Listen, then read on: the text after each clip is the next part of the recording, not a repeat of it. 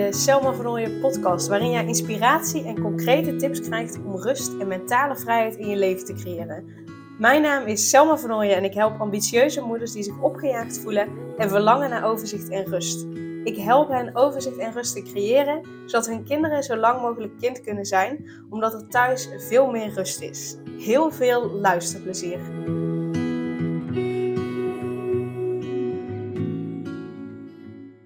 En in deze aflevering uh, deel ik met je waarom ik eigenlijk me richt op moeders, terwijl ik zelf nog geen moeder ben. Nou, allereerst wil ik, uh, wil ik aangeven dat, uh, nou ja, Daan en ik, dus mijn man en ik, heel graag ouders willen worden en daar al enige tijd mee bezig zijn. En dat dat helaas nog niet gelukt is.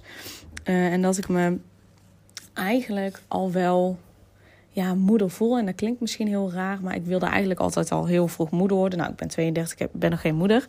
Um, maar dat, dat, dat zorgzame, dat, dat uh, ja, alles goed willen doen, zorgen voor een ander en volledig helemaal zijn voor een ander. En dan met name voor kinderen.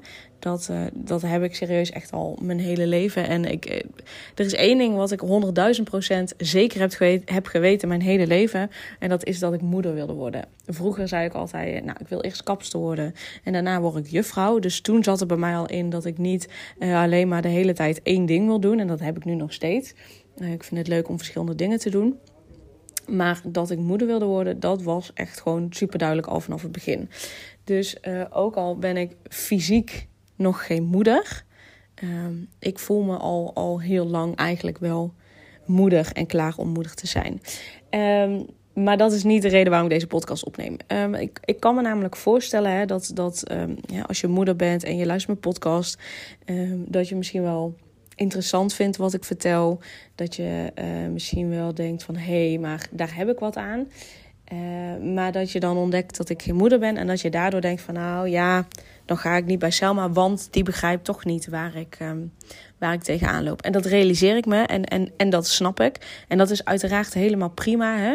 Als je dat, um, ja, als je dat zo voelt en zo ziet. Um, en ik wil wel eventjes deze podcast voor je opnemen om, om met je te delen waarom ik dan toch voor, um, ja, waarom ik dan toch moeders help, moeders begeleid. En uh, ja, waarom dat de doelgroep is die ik, um, ja, die ik help. En waarbij ik wel wil benoemen, als ik een paar jaar geleden moeder was geworden dan, dan was ik zeg maar mijn eigen doelgroep geweest. Dan, dan had ik me, uh, was ik een opgejaagde, gestreste moeder geweest. Die vond dat ze alles perfect moest doen. Die vond dat ze er voor alles en iedereen moest zijn. Niet alleen voor de gezin, maar ook uh, uh, voor, de, voor, de, voor de familie, voor de vriendinnen. dat ze alles op 150% moest doen. Um, um, en waardoor ik me dus waarschijnlijk continu moe zou voelen, continu opgejaagd en gestrest zou voelen, continu het gevoel zou hebben dat ik aan zou staan, dat, dat ik iets zou vergeten om te doen, dat heel mijn hoofd boordevol zat met dingen die allemaal gedaan moesten worden, dingen waar ik allemaal aan moest denken, ook met kinderen. Hè? Uh, uh, die moet dansporten, die moet dansporten, uh, die moet nu zijn gymtas meenemen, want die moet gimmen op school. Dus dat mijn hoofd bomvol zou zitten. Dus als ik een paar jaar geleden moeder zou zijn geworden, zou ik die moeder zijn geweest. Omdat ik me destijds zelf al opgejaagd voelde. Terwijl ik niet eens um, kinderen had. En um, um, dus daarin kan ik me enigszins inleven. En nogmaals, hè, ik snap, ik weet niet precies hoe het is als ik kinderen zou hebben. Waarin je dus ja, daadwerkelijk continu aanstaat, niet uit kunt slapen, dat soort dingen. Maar waarom help ik dan toch ondernemende moeders, ambitieuze moeders eigenlijk vooral? Ja, omdat wat ik super belangrijk vind, is dat kinderen zo lang mogelijk vrij en, en speels kunnen zijn. Dus zo lang mogelijk kind kunnen zijn. Zo lang mogelijk dat, dat onbezorgd en dat onbevangen eh, van het kind zijn kunnen behouden. En um, dat vind ik het allerbelangrijkste, omdat stiekem best wel veel kinderen in stress uh, opgroeien. Uh, als kind zijnde ja, ben ik ook snel, heb ik ook snel volwassen moeten worden. Want mijn ouders gingen scheiden nou, na anderhalf jaar. Mijn vader had een nieuwe vriendin. Uh, dat is overigens niet de reden dat ze uit elkaar zijn nog. Maar um, ze hielden niet meer van elkaar. Dus dat was nou ja, een, een belangrijke gebeurtenis in mijn leven. En natuurlijk, hè, het was eigenlijk al jaren daarvoor dat het niet meer helemaal koek en ei was. Maar ze, ze hadden ja, jarenlang de knoop niet doorgehakt. Dus dat, dat voel je als kind. Dat weet je gewoon als kind. Dat, ja. Dus, dus uh, daarin kon ik ook al niet meer helemaal onbezorgd zijn. Um, dus ik heb snel volwassen moeten worden. En toen, uh, mijn vader had uh, vrij snel een nieuwe vriendin. Nou, na anderhalf jaar bleek dat zij kanker had. Weer anderhalf jaar later overleed zij. En ik heb daarin heel veel voor mijn vader gezorgd. Dus ik weet heel goed hoe het is om niet meer dat onbevangen, speelse, vrije kind te kunnen zijn. En daarom vind ik het, omdat ik weet ja, hoe rot dat is, omdat ik weet hoeveel last je daarvan kunt hebben in je latere leven. Dus ik was nog steeds continu uh, anderen aan het pleasen, vooral mijn ouders proberen te pleasen. Um, iedereen willen pleasen en gewoon niet meer weten eigenlijk wat voor mij normaal was, wat voor mij belangrijk was, omdat ik niet de ruimte heb gepakt als kind zijnde om dat te ontdekken. Wat voor mij belangrijk was, wat ik nodig had, wat, wat ik voelde, wat ik wilde. Daar, daar was ja, gewoon geen ruimte voor. Zonder mijn ouders de schuld te geven, want die hebben gedaan wat ze konden. Ehm, maar daar was gewoon geen ruimte voor. En ik nam die ruimte niet, omdat ik ja, mijn ouders niet tot last wilde zijn. Omdat ik uh, ervoor wilde zorgen dat zij het goed hadden, dat zij gelukkig waren. Want dan hoefde ik me als kind zijnde daar geen zorgen over te maken.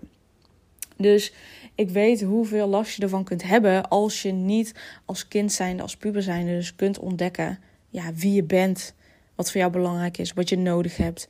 En naar je gevoel, uh, uh, echt naar je gevoel luisteren. Want het leek wel alsof ik dat deed, maar eigenlijk was dat niet, want mijn hoofd stond continu aan.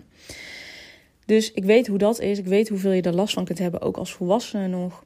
En daarom vind ik het zo belangrijk dat kinderen zo lang mogelijk speels vrij kunnen zijn, onbevangen kunnen zijn zodat ze als kind zijnde in een veilige omgeving opgroeien, in een veilige omgeving kunnen ontdekken wat zij dus nodig hebben, wat ze willen, uh, wie ze zijn, wat ze wel en niet prettig vinden.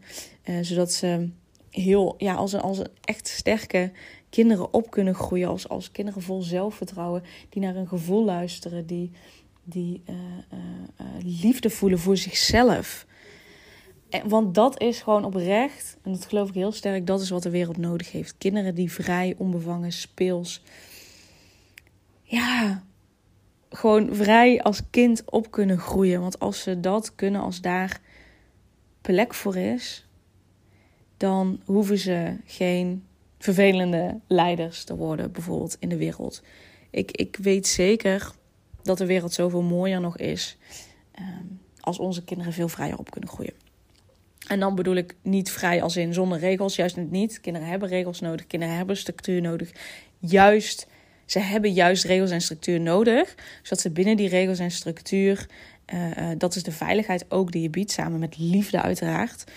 Maar zodat ze binnen die veiligheid zichzelf kunnen ontdekken, de grenzen op kunnen zoeken, ontdekken wat ze wel en niet willen. Dus um, dus dat, dat is, dat is mijn, mijn hoofddrive. Dat kinderen zo lang mogelijk kind kunnen zijn, zo lang mogelijk vrij kunnen zijn. Uh, en het liefst natuurlijk dat ze daarna ook vrij kunnen zijn, maar dat is het allerbelangrijkste. En om ervoor te zorgen dat kinderen zo lang mogelijk vrij, speels, onbevangen kunnen zijn, daar heb je als, als ouder de allerbelangrijkste rol in. Daar leg je, als ouder leg je de basis.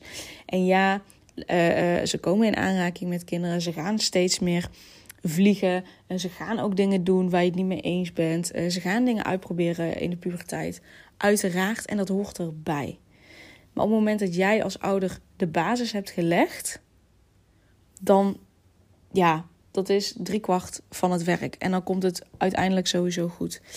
En die basis leg je minder als je als, als ouder, als moeder je continu opgejaagd voelt, continu aanstaat, continu het idee hebt dat je nog van alles moet doen, als je zelf niet naar je gevoel luistert, als je zelf niet goed voor jezelf zorgt, ja, dan, dan, dan is die basis er minder. Kinderen voelen je namelijk fijn aan. En kinderen gaan zich daarop aanpassen. De een uh, zal zich helemaal terugtrekken, stil zijn, zodat hij zoveel, zo weinig mogelijk uh, tot last is. Um, een ander kind gaat juist net de clown uithangen. Uh, ervoor zorgen dat mensen maar lachen, zodat het fijn is thuis. En een ander kind die gaat juist net, die wordt juist net tegen draads. om er aandacht voor te vragen. Dus elk kind reageert op zijn of haar eigen manier, maar ze voelen je haar fijn aan. En wil je iets voor je kinderen, dus wil je dat ze goed voor zichzelf zorgen, wil je dat ze zelfvertrouwen hebben, wil je dat ze uh, doen waar ze echt blij van worden, wil je dat ze uh, duidelijke keuzes kunnen maken, dan heb je dat zelf te doen als ouder zijnde. Kinderen leren namelijk vooral door na te doen. En als je een van mijn eerdere podcasts hebt geluisterd, dan weet je dat uh, communicatie bestaat uit uh, dus, dus uit, uit lichaamstaal, uit ehm, wat je zegt, dus de woorden die je gebruikt en uit hoe je dat zegt. En als je dat bekijkt, het, slechts 7% van de woorden die je gebruikt, dus van wat je zegt, komt binnen. Daarentegen 93% van hoe je dat zegt en wat je daarbij doet, dat komt over. Dat is 93%. Dus voor 93% leren kinderen van wat jij doet, van wat jij zelf doet, van wat jij zelf laat zien. Dat is wat ze eigenlijk leren. Dus als jij wel tegen je kind zegt, ja maar volg gewoon je gevoel en uh, kom voor jezelf op, maar je doet dat vervolgens zelf nu niet, dan krijgen zij het idee dat het eigenlijk niet mag, dat het eigenlijk niet toegestaan is. Dus zullen zij dat ook niet doen. Op het moment dat jij wel met jezelf aan de slag gaat en laat zien dat je goed voor jezelf mag zorgen. Laat zien dat je, dat je uh, jezelf mag ontwikkelen. Dat je laat zien dat, dat, je voor, ja, dat je nee mag zeggen. Dat dat ook helemaal oké is. Dan zullen jouw kinderen dat veel eerder gaan doen. Ook in een volwassen leven. Dus wil je iets voor je kinderen, dan heb je daarin uh, zelf ja, hele belangrijke stappen te zetten. En zeker als je wil dat je kind zo lang mogelijk kind kan zijn dan heb je zelf iets aan de stress te doen die je voelt. Dan heb je zelf iets te doen aan het gevoel dat je continu aanstaat en continu moet presteren en dat er altijd iets te doen is. Daar heb je dan zelf iets in te doen. Dus uh, ook al ben ik zelf geen moeder, dit is wel mijn drive. En uh, ik hoop binnenkort moeder te worden. Dus dan uh, kan ik me helemaal haarfijn inleven. Maar een van de dingen waar ik ook gewoon echt oprecht, en dat kan ik echt oprecht voor mezelf zeggen, is dat ik me onwijs goed in kan leven in mensen. Echt gewoon in moeders, maar ook in andere mensen. Uh, dat, is, dat is denk ik een van de belangrijkste kwaliteiten van mij als coach. En dat uh, aan de ene kant vind ik het lastig om te zeggen, want dan denk ik, ja, hoezo ga ik over mezelf opscheppen en bla bla bla.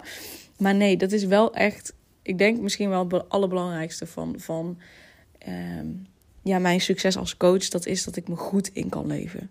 Echt heel goed in kan leven. En dat is in mijn eigen leven niet altijd handig. Um, uh, zeker als, als ik soms het idee heb dat er voor mij een duidelijke kant gekozen uh, dat er verwacht wordt dat ik een duidelijke kant kies of een duidelijke mening kies.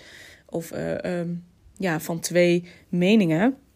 Dat ik daarin zou moeten kiezen of zo. Dat is soms lastig.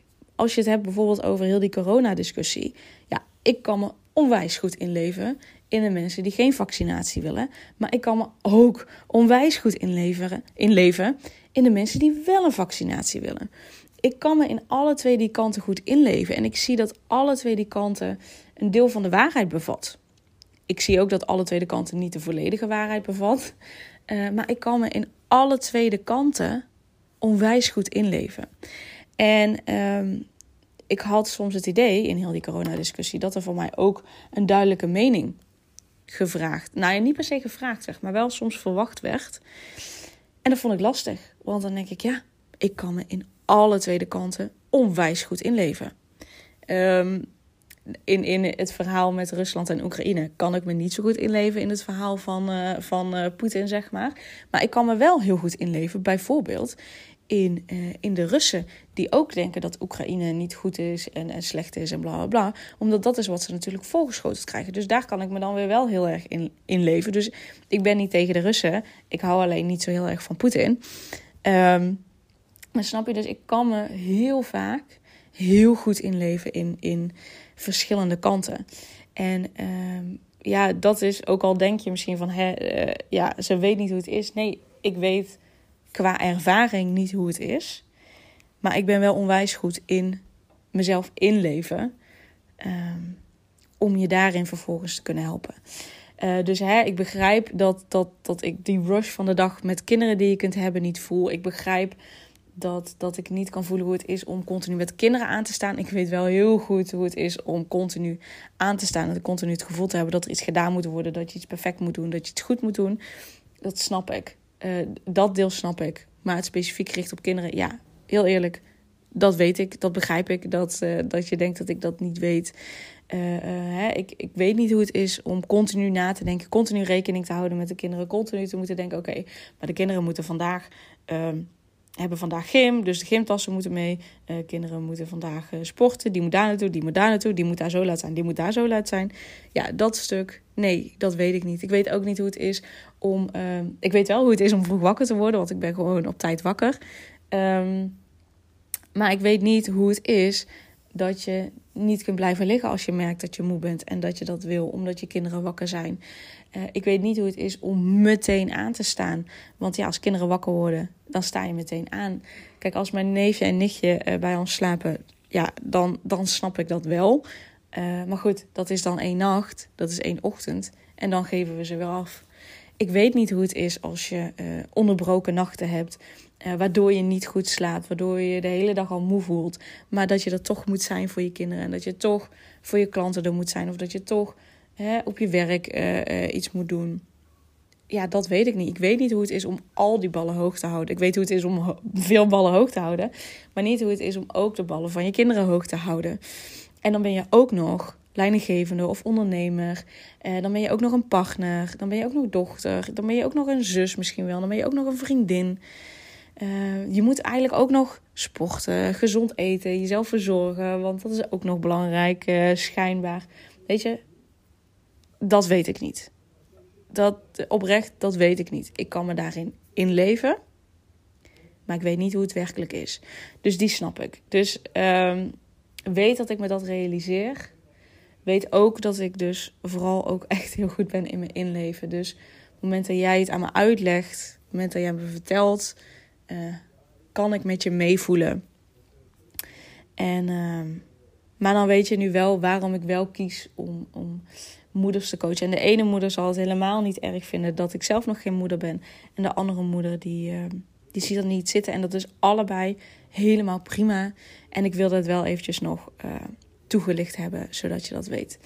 Um, en sowieso, wat ik het allerbelangrijkste vind, of ik nou wel of geen moeder ben, uh, dat als ik iemand help, dat er wel een klik is. Um, dus dat vind ik wel onwijs belangrijk. Dus dat staat nog verder los daarvan. Dus uh, mocht je willen kijken of wij samen een klik hebben, kun je altijd uh, contact met me opnemen. Dan plannen we gewoon een match call in en dan kijken of er een klik is. En dan kun je altijd nog, als je denkt van nou, die Selma die snapt er helemaal niks van, of er is geen klik, kun je altijd nee zeggen. Dat is helemaal prima.